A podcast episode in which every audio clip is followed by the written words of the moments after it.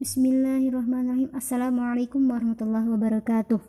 Apa kabar semuanya? Insya Allah kali ini kita akan membahas tentang produk tabungan haji. Sudah kita ketahui bahwa di Indonesia ini penduduknya mayoritas beragama Islam.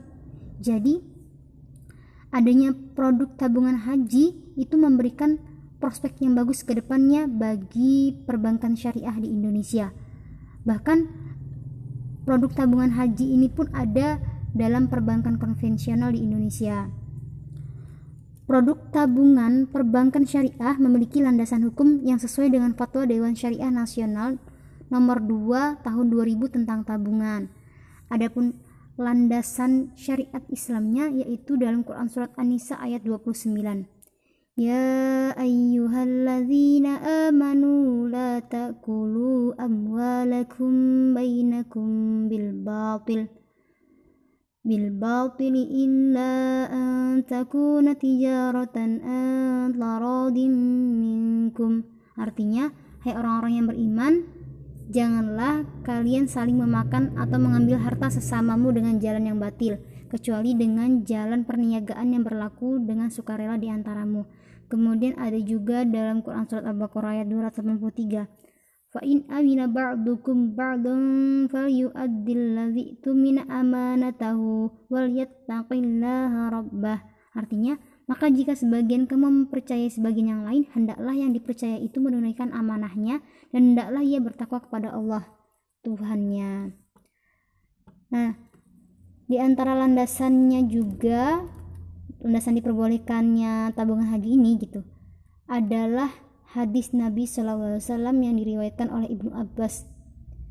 Kana Sayyiduna Al-Abbas Ibnu Abdul Muttalib idza dafa'a al-mala mudarabatan ishtara ala sahibihi alla yasluka bihi bahran wala wala yanzila bihi wadiyan wala yashtariya bihi dabatan dhata kabidin rotbatin fa in fa'ala dhalika dhamina فبلغ شرطه رسول الله صلى الله عليه وسلم فأجازه رواه Tabarani fil Ausat an Ibn Abbas artinya Abbas bin Abdul, Malik, Abdul Muttalib jika menyerahkan harta sebagai mudorobah ia mensyaratkan kepada mudoribnya agar tidak mengurangi agar tidak mengarungi lautan dan tidak menuruni lembah serta tidak membeli hewan ternak jika persyaratan itu dilanggar maka mudarib harus menanggung resikonya. Ketika persyaratan yang telah ditetapkan Abbas itu didengar Rasulullah SAW, beliau membenarkannya. Hadis riwayat Tabrani dari Ibnu Abbas.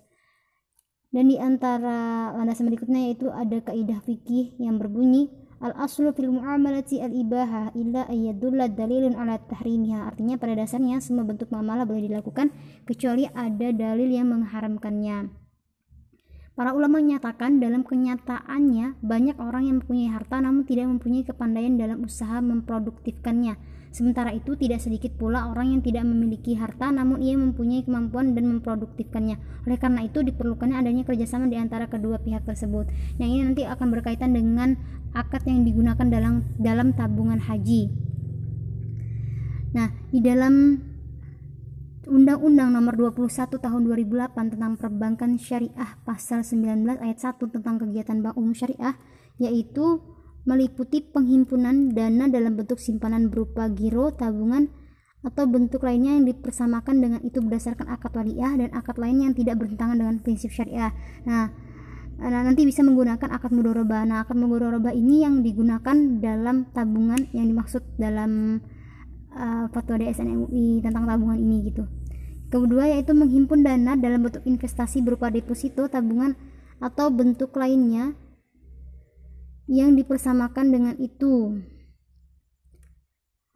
berdasarkan akad mudorobah atau akad lain yang tidak bertentangan dengan prinsip syariah. Oh iya, yang tadi yang pertama juga uh, bisa menggunakan akad mudorobah gitu ya. Tadi sudah dijelaskan. Nah, di dalam tabungan ini ada ketentuan umum yang berlaku dalam tabungan haji juga, bukan hanya berlaku pada uh, tabungan secara umum saja gitu.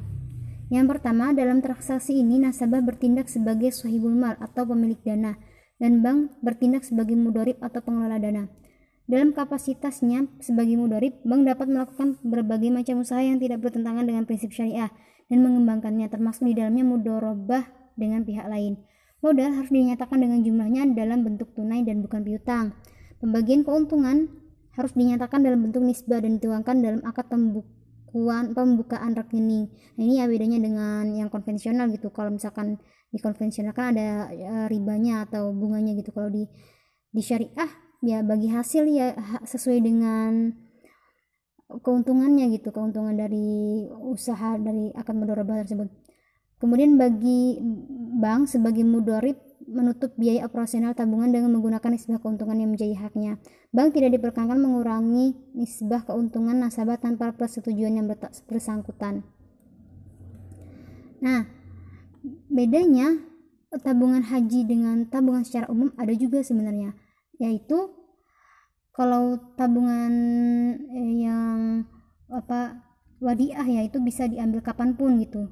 Kalau misal kalau deposito atau giro itu tergantung menggunakan akadnya apakah mudorabah atau apa gitu. Kalau mudorabah pasti kan ada jangkanya gitu. Nggak mungkin kalau misalkan menggunakan akad mudorabah usaha sedang berjalan tiba-tiba uang akan diambil kan gelagapan juga gitu bank syariahnya Nah, kalau misalkan tabungan haji ini uh, dia memang benar-benar nggak bisa diambil kapan pun.